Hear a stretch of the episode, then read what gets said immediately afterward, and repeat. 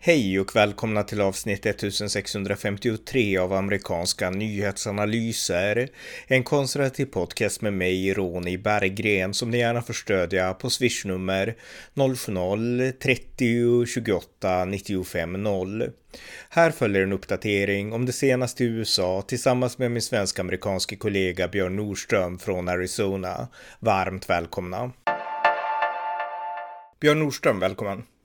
Ja, tack så mycket. Eh, det var ett tag sedan nu, men nu ska vi podda återigen om det senaste i USA, så ja, du kan börja. Ja, jag nämnde den förra podden för en vecka sedan då att eh, Joe Biden då, han anklagar ju nu i princip alla republikaner, framförallt de som stödjer Donald Trump då för att vara halvfascister och att om republikanerna vinner valet i höst i november så kommer, eh, så kommer amerikansk demokrati att kollapsa. Hans retorik, retorik påminner väldigt mycket om Socialdemokraterna i Sverige. Va? Till och med New York Times har gått ut och kritiserat Biden nu och sagt att han gör det enbart i politiska syften. Att naturligtvis kollapsar inte demokratin i USA om Republikanerna får framgångar i valet, utan Biden gör det enbart bara för att för att uh, ja, i princip försöka ge Demokraterna bättre möjligheter att vinna val. Man andra skrämseltaktik. Och det, när New York Times går ut och kritiserar Biden så ser man ju hur hur galet det har blivit. Ja, jag måste läsa den artikeln, men jag såg att han höll ett tal vid Independence Hall i Philadelphia, alltså i, i Pennsylvania. Och eh, Independence Hall, det är platsen då där Thomas Jefferson skrev Precis. USAs självständighetsförklaring. Och jag tycker att det här är lite ironiskt att liksom han står där och varnar för trumpismen. Därför att jag är en stor fan av Thomas Jefferson och alla som studerar författningsfäderna vet att det Trump har gjort, om det fanns någon författningsfader som förmodligen inte skulle ha brytt sig så mycket så är det Thomas Jefferson. Därför att han hade den här synen på att, eh, att liksom revolutionen lite nu och då är bra, du håller makten i schack och eh, a little rebellion now and then och så vidare. Och Jefferson Precis. var den som hade mest, alltså absolut mest tolerant syn när det gällde uppror och upplopp och liknande saker. De andra liksom hade inte det. Alexander Hamilton, han hade skjutit alla på 6 januari liksom. Men, men Jefferson hade inte alls den inställningen. Utan, eh, så att jag tycker ändå att det är lite ironiskt att han står där vid platsen där Jefferson skrev självständighetsdeklarationen och kritiserade någonting som jag är rätt övertygad om att Jefferson inte skulle ha liksom gjort så mycket av faktiskt. Ehm, och sen också att eh, det faktum är att Demokraterna och eh, framförallt deras aktivister på gatan, BLM och liknande, och Antifa och så, de har ju rivit ner statyer av Thomas Jefferson och demokratiska politiker har liksom röstat igenom att nedmontera statyer av just Thomas Jefferson för att han då var i deras värld rasist. Och eh, ja, jag tycker bara att det är ironiskt att, att Biden står där och eh, vid Independence Hall där Jefferson skrev självständighetsförklaringen och fördömer Trump-rörelsen som ska gå och kritisera såklart, men ändå på något sätt gör det i liksom legitimitet av Jefferson. Och eh, det funkar inte, det synkroniserar inte för att Jefferson hade i ärlighetens namn brytt sig väldigt lite om 6 januari. Det är bara ett krass fakta. Ja, det var ett otroligt bra perspektiv och återigen, det här handlar ju bara om skrämseltaktik. Den amerikanska demokratin är i princip omöjlig att, att kollapsa om ett eller annat parti vinner valet. Det, det liksom, den funkar inte så för att gräsrotsdemokratin är så stark, det är så decentraliserat till kommuner och till delstater att det, det som han pratar om, Joe Biden och, och Demokraterna varnar för, kommer liksom, det, det, liksom, det, blir, det är omöjligt att det blir så i praktiken. Det liksom funkar inte bara så. Och det är det som jag, jag tror naturligtvis de begriper och det var det som New York Times äh, författaren, äh, den som skrev den, den artikeln i New York Times, han skrev också, jag förklarade att naturligtvis vet ju Biden om att det inte alls kommer att kollapsa, utan det här är bara skrämseltaktik. Utan det, det, är precis Socialdemokraterna i Sverige. Om, om Sverigedemokraterna gör ett bra val så, så blir Sverige nazistiskt ungefär. Men det vet, till och med Annika Strandhäll begriper ju naturligtvis att så blir det ju inte. Va? Men å andra sidan har man inga bra argument när allt går dåligt i landet med ekonomin eller med inflationen och allt vad det nu är. Då, då, det enda man har kvar det är att skrämmas. Ja, nej men det, det, det, är en jätteviktig poäng. Jag menar, vi såg ju i, alltså 2020 när Trump ändå rantade på om valfusk och vi hade 6 januari uppe i loppen och liknande. Men demokratin höll även då när Trump vevade på som värst. Så att jag menar, det, det är liksom, eh, vi, vi vet redan bevisligen att eh, demokratin i USA står stabil. Och det, jag menar, det skedde den 6 januari. Jag tror inte att det var någon enda person som egentligen var orolig för att oj, några galningar rinner in. Och jag menar, det, inte, det såg inte speciellt bra ut. Det var ju kriminalitet. Och, och de, men det var inte direkt så att en normal människa var orolig för att oj då, nu kommer de där galningarna och den här killen då som sprang in och hade någon, några konstiga hattar och liksom klädsel och så vidare. De kommer springa in och ta över hela, hela amerikanska demokratin. Jag tror inte en vettig människa ja, men stopp, då måste, jag ställa en fråga, då måste jag verkligen ställa en fråga till dig. Det här, jag vet inte som vi har pratat om det här på det här sättet. Därför att jag menar, jag hängde med via media härifrån Sverige och man följde den politiska debatten och det var högt tonläge och du vet så här. Men vanligt folk, alltså hemma, då bodde du i Vermont visserligen, men alltså vanligt folk som du yeah. kände, brydde de sig? Alltså kände de, ah. alltså här, här i Sverige, då var det verkligen, åh, titta USA håller på att starta samman liksom. Men kände amerikaner så? Absolut inte. Absolut mm. inte. Man visste att det, det, det för att man måste ha med sig polis och framförallt militär. Om man tittar internationellt, globalt, all, alla revolutioner som har skett har ju byggt på att man måste ha militären med sig. Det finns inte en suck att militären som institution skulle ställa upp på något sånt där. Det finns inte bara det, ärligt talat. Nej. Och, och, och, har man inte militären, då kan det springa in några galningar, men det är bara en tidsfråga när de rensas bort sen. Så är det, och det var ju det som skedde. Va? Mm. Så det, det, det, fanns ingen oro överhuvudtaget, utan allt blåstes ju upp som att oj då, nu kommer nu liksom hundra stycken Trumpgalningar att ta över hela landet och styra och ställa och så vidare. Men det, så funkar det ju inte i praktiken. Va? Alla visste ju om att det här är ju bara en tidsfråga. Om militären kallas in så kommer militären rensa ut det där totalt jättesnabbt och jätteenkelt. Oavsett vilken politisk ideologi som militären har. Va? Så är det ju bara. Mm. Så att man blåser upp sånt där igen, återigen bara politiska syften för att svartmåla något och skrämmas. Ja men alltså, det, det, jag fattar inte att vi inte pratat om det förut ur det här perspektivet, för det är jätteintressant. För här i Sverige vart det verkligen år, amerikanska demokratin hotad och sådär. Och, så att jätteintressant. Sen, folk, folk gick till jobbet, man tog det coolt, man bara såg det där. Som, det var nästan så lite som ett skådespel, man tyckte nästan det var roligt att titta på det, för det här är nästan, det är lite galenskaper och det, det ska inte ske sånt där. Uh, men det, det, var liksom som att det är bara en tidsfråga, de får rensa ut den här skiten nu så får fortsätta som vanligt igen. Och det var nästan lite kul att se det där. Och det som det egentligen gjorde, det visar ju att okej, okay, vi måste liksom ha mer säkerhet kanske kring Kapitolium och allt det där. Mm. Det var ungefär så det visade, va? men det var ju aldrig någon som var, som jag hörde, eller snacket gick aldrig bland folk som att oj då, nu, nu kommer vi bli eh, fascister. Nu liksom kommer vi styras av fascister snart och några galna Trumpanhängare. Va? Finns det inte en suck? Nej, nej, men, att, men, men, folk tänkte ändå, alltså vi kanske behöver staket där som man har runt Vita huset ska sägas. Men, men, inte liksom Precis. att nu går, nu går landet under. Så... Absolut inte. Nej, nej, nej, självklart inte. Herregud. men, jätteintressant alltså, verkligen. Ja, vi fortsätter det här intressanta samtalet. Jajamän. Um, för när Joe Biden blir president, för vi pratar om det här med illegala invandringen, att den, den är liksom bortom kontroll här i USA. Och uh, Texas och Arizona skickar iväg då massa bussar, framförallt Texas då till New York och Washington DC. Texas har börjat nu skicka massa bussar till Chicago, men Chicago är ju ändå en demokratisk del, äh, stad. Så Chicago får en massa bussar nu med. Så att, eh, så att Texas då strategiskt skickar runt dem till olika demokratiska storstäder runt om i landet. Så det blir allt fler och fler städer som får ta emot de illegala immigranterna. Min tanke och min gissning är att Greg Abbott som är guvernör för Texas naturligtvis då vill han vill sprida runt dem lite grann just för att kunna visa en poäng, göra en poäng av det hela. Symbolik, liksom det symboliskt då att, att ni som sitter i de här demokratiska delstaterna och, och, tycker att det är jättebra med illegal invandring, oavsett om det är Chicago eller New York eller Seattle, Washington, så kommer ni få ta del av det här nu. Så nu får ni liksom hjälpa till på ert sätt. Mm. Vi skickar dem till er. Ja, och vi pratade och, om, jag tror vi pratade om Laurie Lightfoot i Chicago senast. Jajamän, ja, hon är ju galen mer eller mm. mindre. Va? Uh, jag tänkte också nämna på, på invandringen, när när Trump var president, han drog ju ner på antalet legala flyktingar. Vi pratar om alltså FN, kvotflyktingar från FN då. Från 100, jag tror Obama hade ungefär 100 000 han tog in per år och uh, Trump drog ner de där uh, legala kvotflyktingarna då till kanske, jag tror 25 000 till sist. Biden utlovade att han skulle öppna upp för 125 000 uh, kvotflyktingar men det visar sig nu att Biden kommer att ta emot 25 000 istället för 125 000. Så 100 000 av de 125 000 kommer aldrig att komma in som kvotflyktingar i USA under det senaste året. Eh, så det var ganska intressant att hans löfte att släppa in 125 000 kvotflyktingar slutar med 25 000. Men å andra sidan så, så öppnar han ju gränsen istället för Mexiko så illegala kommer in istället. Mm. Ja, alltså kaotisk flyktingpolitik fortfarande. Precis. Jag hade hellre sett 125 000 legala kvotflyktingar och en säker gräns. Men han har gjort tvärtom. Han, han, han tar inte in de, de, kvotflyktingarna som verkligen behöver fly, som verkligen flyr från allt, baserat på att FN identifierar dem som verkliga flyktingar. Så de har han liksom stängt ner för. Han öppnar upp istället för de illegala som bara travar rakt över gränsen. Va? Och det är ju väldigt intressant, för att det han gör, det är lite grann som då Sverige har gjort då, med att om man bara tar sig in i landet, då får man stanna, men människor då som inte lyckas som, som sitter då i kanske krig eller misär som är verkliga kvotflyktingar från FN som inte kan ta sig till Sverige, ja de, de vänder ju Sverige ryggen till. Va? Mm. Biden kör ungefär samma stil nu. Ja, eh, och det ska sägas också att det var i lördags, alltså igår, så var det nio personer, alltså migranter som dog i Rio Grande-floden i Texas då. För de försökte ta sig över och de sveptes iväg av flodvågorna ja. och det kan vara fler som har dött också. Och nu är det en republikansk kongressman från Texas som han säger att det här är, det här beror på att Biden inte har en säker gräns. För att de försökte det här livsfarliga pådraget ja. eh, på grund av att de trodde att de kunde komma in. Så hade gränsen varit säker så hade de här människorna levt. Så att eh, det är ju den aspekten ja. också, att även migranterna drabbas av det här.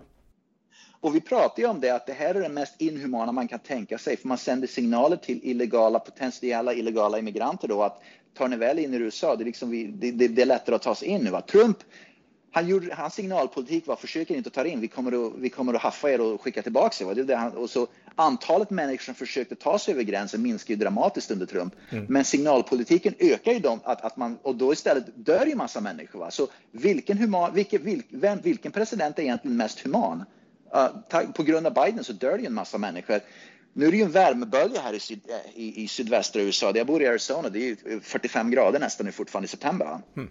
Och i Texas då tror jag det var de dog i Rio Grande. Så det är ju en värmebölja nu. Så att, att de försöker ta sig över gränsen nu med värmeböljan som är, det är, liksom, det är ju bokstavligen ett, ett, ett dödsstraff de ger sig själva. Va? Mm.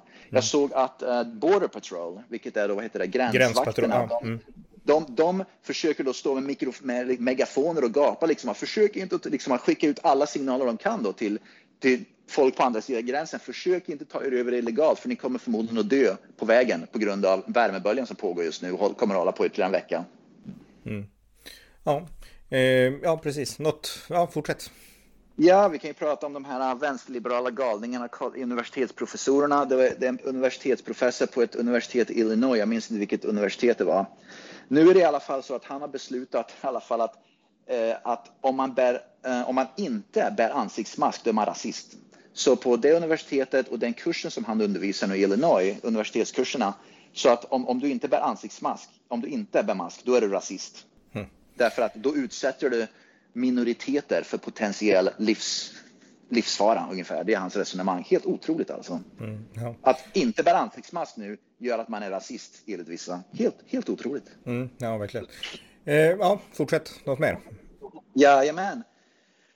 Bank of America, vilket är en väldigt stor bank i USA. Det här, vi har ju pratat om det här mycket, att, att det finns en strukturell rasism i USA, mer och mer öppen mot vita och framförallt asiater, mot asiater och vita. Till exempel Harvard University gör det har, har mycket högre äh, intagningskrav för asiater och vita än de har för svarta och latinamerikaner. Mm. Som andra ord att, att man, det liksom är, rasismen finns, men nu är rasism mot vita och mot asiater. Bank of America, en stor bank i USA, gör nu, ger mycket bättre lån, bolån för hus, då, husbolån om man är svart eller latinamerikan. Så man får lägre ränta och man behöver inte betala vad som kallas för down payments och closing costs. Så om du har mörk hudfärg, då, då är det mycket billigare för dig att ta ett bolån. Om du har asiatisk hudfärg eller vit hudfärg, då höjer de, då, då blir det dyrare för dig att ta ett bolån. Som andra ord att de separerar människor baserat på hudfärg, vilket typ av bolån du kan få.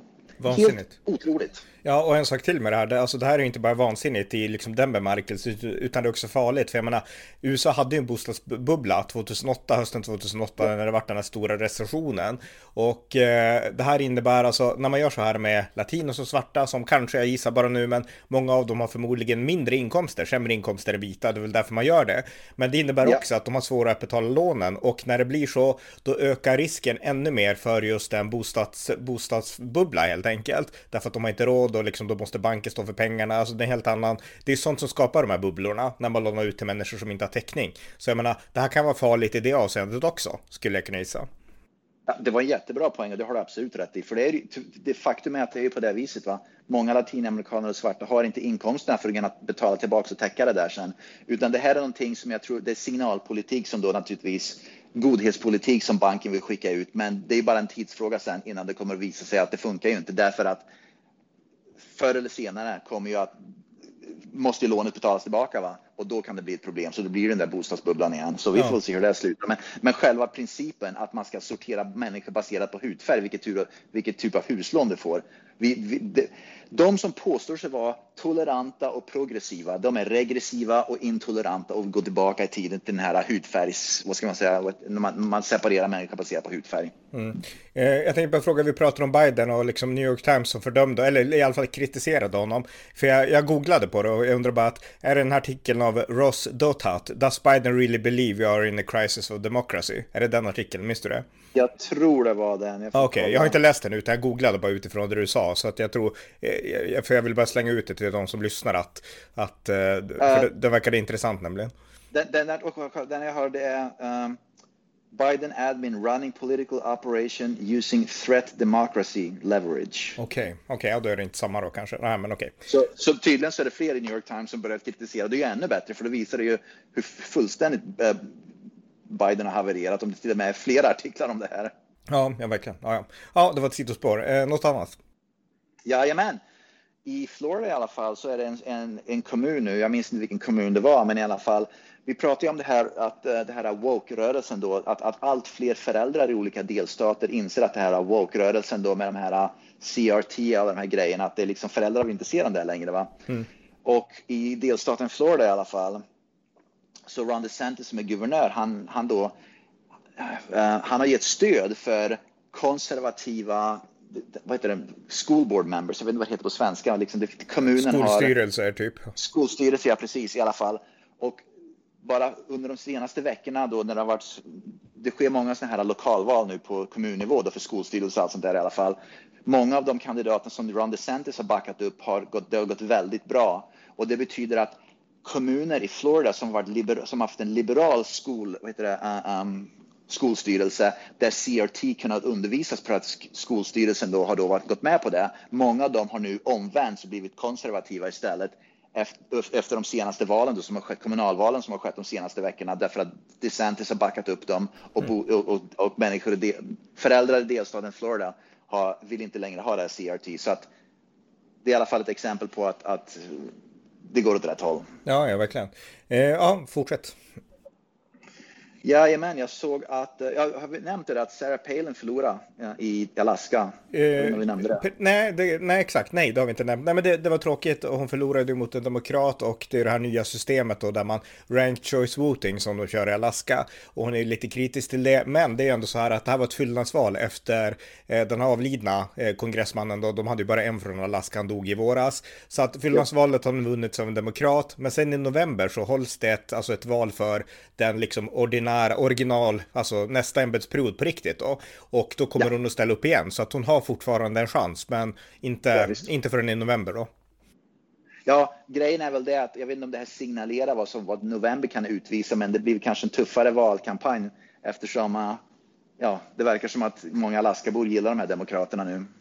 I alla fall. Ja. Förlorar här så vi får se hur det slutar, men i alla fall att de förlorar nu, det kanske signalerar att de får göra en bättre kampanj förhoppningsvis i höst om, om de vill ställa upp igen. Ja, en sista kommentar här om just det här då, för jag har läst ganska mycket om det här som hände i Alaska och det är att eh, alltså Alaska är ju helt republikanskt i grund och botten, men att ja. det är abortfrågan som har gjort att demokraterna väckts till liv där och det är den som har gjort Jaha. att, för de är konservativa, men de vill ha rätt att göra abort om de vill det liksom. Så att, eh, att det, många bedömer att det är det som har gjort att, att det går sämre för republikanerna än man, man hade trott och att den här republikanen republikanen, hon är ju också då republikan, Lisa Murkowski, senatorn då, som man vill få bort, men ja. att hon kanske också kommer klara sig.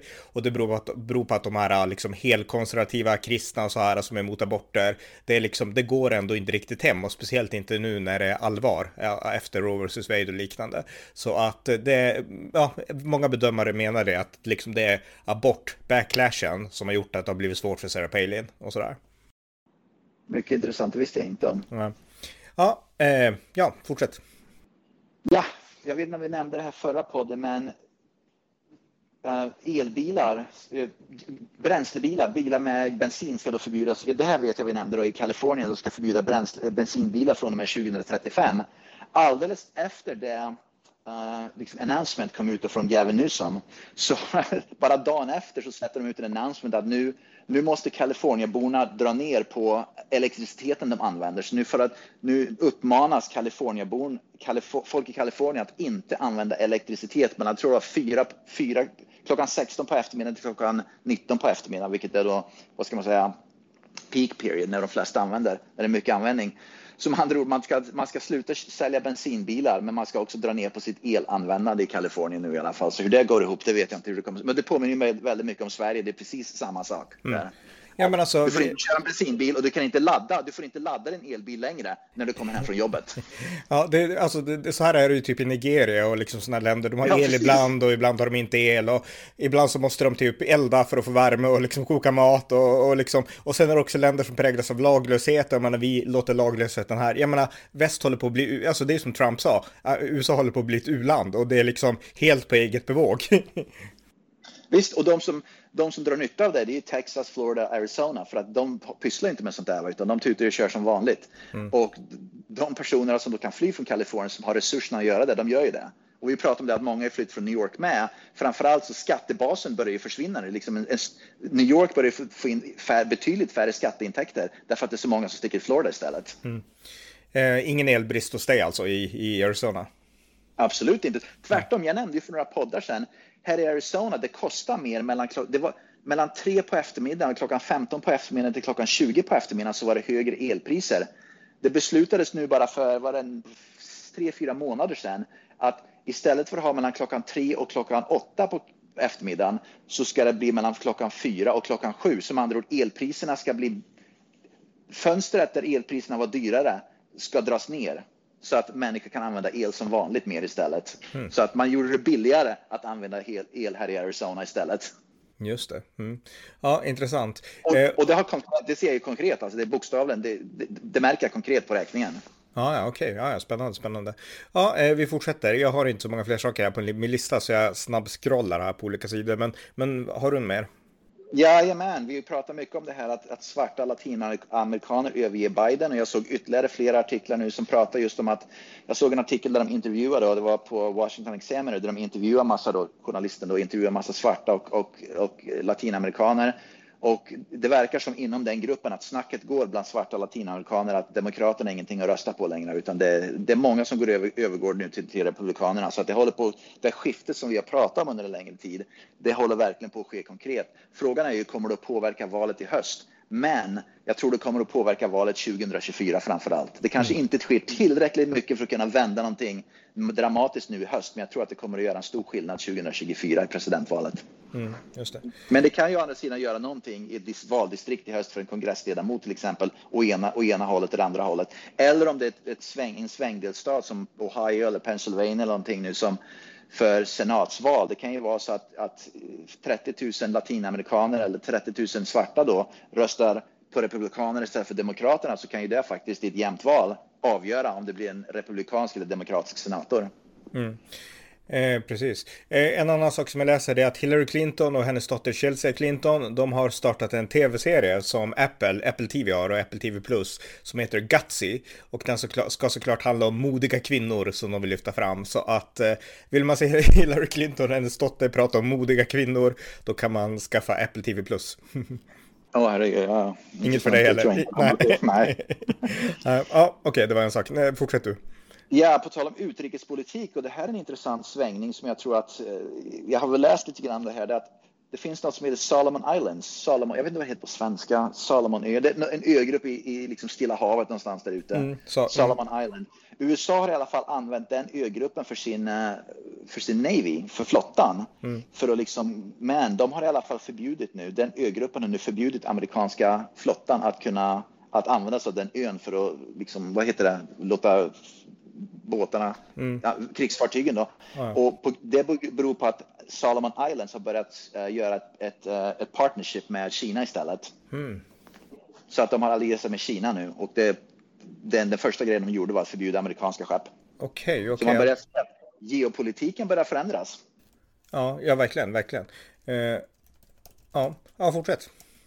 Ja, och vi pratar om det här, det, över två, det, det, det kommer att vara över två miljoner illegala invandrare som kommer att ta sig över gränsen till USA i år. Över två miljoner. Mm.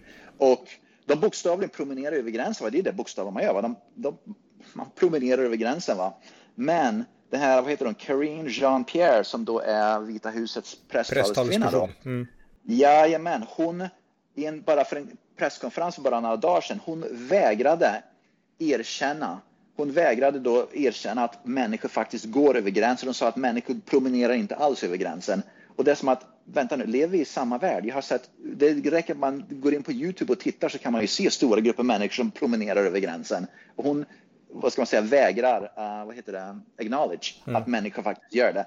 Precis som så, det, Demokraterna i USA och Biden, blir, jag vet inte om det är de som blir mer som Socialdemokraterna som sossarna blir mer som Biden och Demokraterna här, men det är oerhörda likheter i beteendet helt enkelt mm. mellan Demokraterna här med Joe Biden i spetsen och sossarna i Sverige. Vad gäller retoriken, man förnekar verkligheten och så vidare och så vidare. Man, man kör skrämselpropaganda. Det är exakt samma ta med tusan beteende. Mm, ja, verkligen. Och det är ju bara liksom, det är bara kontraproduktivt för dem, för de förstår inte att man vinner inte liksom politiska debatter på det sättet, utan man, man vinner med öppenhet liksom och det, de begriper inte det. Och på tal om det så, Trump han höll ett, ett rally igår. Nu, jag har ja. inte sett det nämligen så jag minns inte vart det var någonstans. Men jag har läst att han pratade, det här, det här var hans första rally nämligen sen de här, eh, ja, sen den här FBI-räden mot hans hem i Florida och han gick ju till, till attack såklart, till motattack och sådär. Och eh, jag ska inte säga för mycket nu för jag har inte sett hans tal, men han höll ett tal, han pratade om det och jag är fortfarande helt inne på linjen att FBI gjorde fel och att justitiedepartementet gjorde fel och sådär. Men jag ska läsa mig in på hur debatten gått. För att Trump, han, han kan ju också överdriva från sin sida, även om han kanske har rätt i grund och botten, så överdriver han och liksom, ja, kör på sitt race alldeles för mycket åt sitt håll. Så att, eh, men jag ska se det i alla fall, men jag tänkte bara upplysa om det. Han, han höll ett rally nu i natt. Jag tror det var i Pennsylvania om jag minns rätt. Men okay. det han varnar för, om jag minns rätt också, jag, jag, har inte sett det, men jag läste några headlines, det var i Pennsylvania om jag minns rätt, och han också kritiserar Biden för att för att anklaga hans egna anhängare, Trumps anhängare för att vara fascister i princip. Alltså mm. han kritiserar Biden för det. Så. Just det. Mm.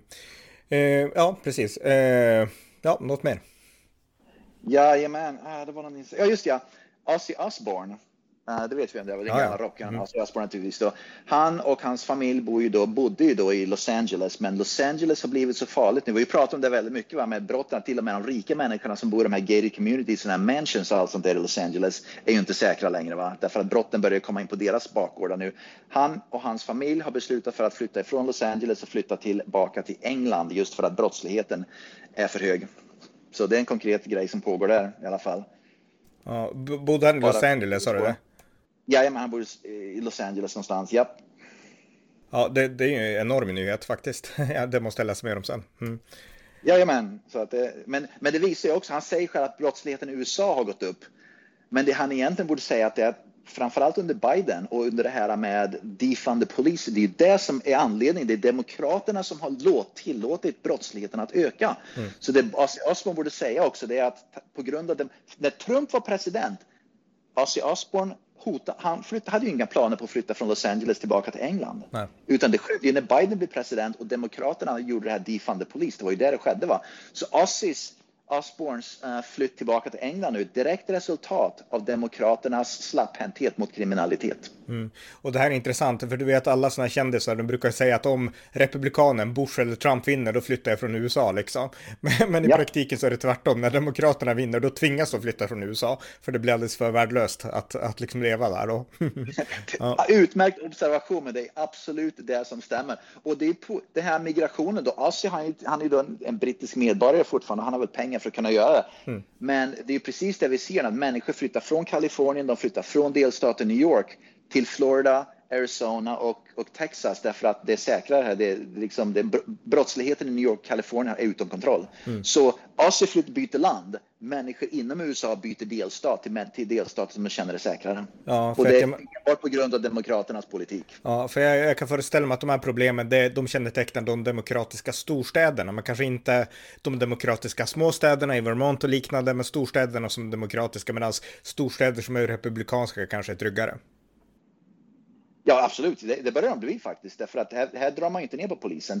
Eh, men det också, beror ju också på många storstäder. Jag, menar, jag, jag bor ju i Phoenixområdet nu och det är ett jättestor, ett jättestort område.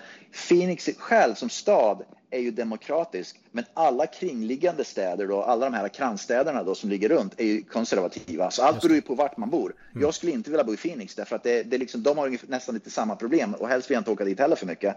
Men bor man i de här kransstäderna så är det konservativt och då är det mycket mer ordning och reda och hårdare polistag och allt sånt där. Va? Så mm. allt beror på också vart man bor i själva vad ska man, storstadsområdet. Men just det, just det. Mm. Eh, ja, fortsätt om du har något mer. Ja, ja, en sak till. Actually, ett par saker till. Um, en sak är att Colorados Secretary of State, vi pratade om att Joe Biden hotar med att USA kommer, demokratin kollapsar ju då om Republikanerna vinner valet. Colorados Secretary of State som också är, han är ju då eh, demokrat också, det är Secretary of State, det är liksom, vad ska man säga, inrikesministern för delstaten Colorado ungefär som liksom är, men i alla fall, han har i alla fall gått ut och sagt att om eh, uh, om Republikanerna vinner valet i höst i november så kommer förmodligen uh, amerikaner att förlora sin rösträtt. Mm. För Republikanerna vill stoppa människor från att rösta. Va? Återigen, galen retorik. Va? Och det visar att har du inga bättre argument. Men det är just det här, det är samma som med Socialdemokraterna i Sverige. Va? Att röstar du på, på Republikanerna då, kommer du, då blir det nazister och fascister, då får du inte rösta, då försvinner demokratin. Helt mm. otroligt. Mm. Ja, en sak som jag tänkte nämna som är också oerhört intressant här. Och det var vänta nu, jag måste dra upp det här. Är, um, vi pratar om det här med, i USA så är det precis som i Sverige, det är vänsterliberaler, de anklagar då framförallt vita och vita män för att vara rasisterna. De liksom, det är vita män som är rasister. Va? Det kom ut en intressant det finns ju såna här online dating apps då. Det är liksom så här, jag vet inte vad det heter på svenska. Mm. Online dating apps. Ja, alla möjliga. Och en av dem här, USA, mm. ja, precis, precis. En av dem heter eHarmony. Mm. Och eHarmony har tittat på och gett ut en och liksom tittat på all sin data och tittat på vilka etniska grupper inom den appen då, inom eHarmony-appen då, är, är öppna för att online-data och data människor av en annan etnisk grupp. Och det visar sig faktiskt att kvinnor, eh, att svarta kvinnor är minst benägna att dejta eh, andra etniciteter. Att svarta kvinnor vill framförallt dejta svarta män. Vita män är helt öppna, betydligt mer öppna för att dejta människor av andra etniciteter. Så med andra ord, den här, vad ska man säga, att vita män är rasister och så vidare, va? det är bara en myt. Det visar att vita män är väldigt öppna för att dejta andra etniciteter. Svarta kvinnor är inte speciellt öppna för att dejta andra etniciteter än svarta män. Ja, det var intressant. Minns du den här artisten ASAP Rocky som, som satt fast i fängelse i Sverige? Amerikansk gangsterrappare typ. Ja, ja, visst, visst, visst. För i samband med det så såg jag några intervjuer med honom. Jag skrev ju en hel, hel del om det där och så. Jag lyssnade inte alls på hans musik, men jag, jag lyssnade lite då och läste om honom och såg intervjuer. Och då läste jag någonstans att han, han, föredrog, han fick kritik för att han gillade liksom vita tjejer liksom. Han var svart och då var det massa svarta tjejer som gick ut och sa hur kan han liksom prata så liksom sådär. Eh, ja. det, var, det var bara en sidogrej där, men jag tyckte ändå att det var, ja, att, jag vet inte ja. om, om det finns någon slags ja, någon slags etniskt tänkande där bland svarta kvinnor i USA. Jag tänkte också nämna att den gruppen som är näst minst koreaner, koreanska män eh, var också inte speciellt benägna, intresserade av att dejta andra människor än koreanska kvinnor. Vita kvinnor är också väldigt, var också väldigt lite benägna om. Så svarta kvinnor och vita kvinnor. Vita kvinnor vill dejta vita män, svarta kvinnor vill dejta svarta män. Mm. Vita män var väldigt öppna för att dejta andra etniciteter. Svarta män enligt den här då, datan som kom ut, är också öppna för att dejta andra etniciteter. Det de egentligen säger här är att män, män är mycket mer öppna för att dejta andra etniciteter än kvinnorna. Och det är mm. väldigt intressant. Det är något som aldrig tror jag svensk media skulle ta upp och prata om. Nej. Men framförallt skulle de aldrig ta upp att svarta kvinnor helst dejtar svarta män och vita män är, är mycket mer öppna för att dejta. Så att det, det, är bara intressant det här. Det vi, när vi snackar om att vi anklagar alltid att det är vita män som är rasisterna, men gång på gång på gång, på gång visar sig att det vita män är inte det egentligen, utan det är andra grupper som är rasister, inte de vita männen. Mm. Eh, intressant. Ja. Eh, fortsätt ja. om du har fler saker. Nej, det var det jag hade idag. Okej, okay. ja men perfekt. Tack. Ja, tack så mycket. Tack för att ni har lyssnat på amerikanska nyhetsanalyser. En konservativ podcast som kan stödjas på swishnummer 070-30 28 95 0 eller via hemsidan usapool.blogspot.com på Paypal, Patreon eller bankkonto. Det var allt för idag. Återigen, tack för att ni har lyssnat.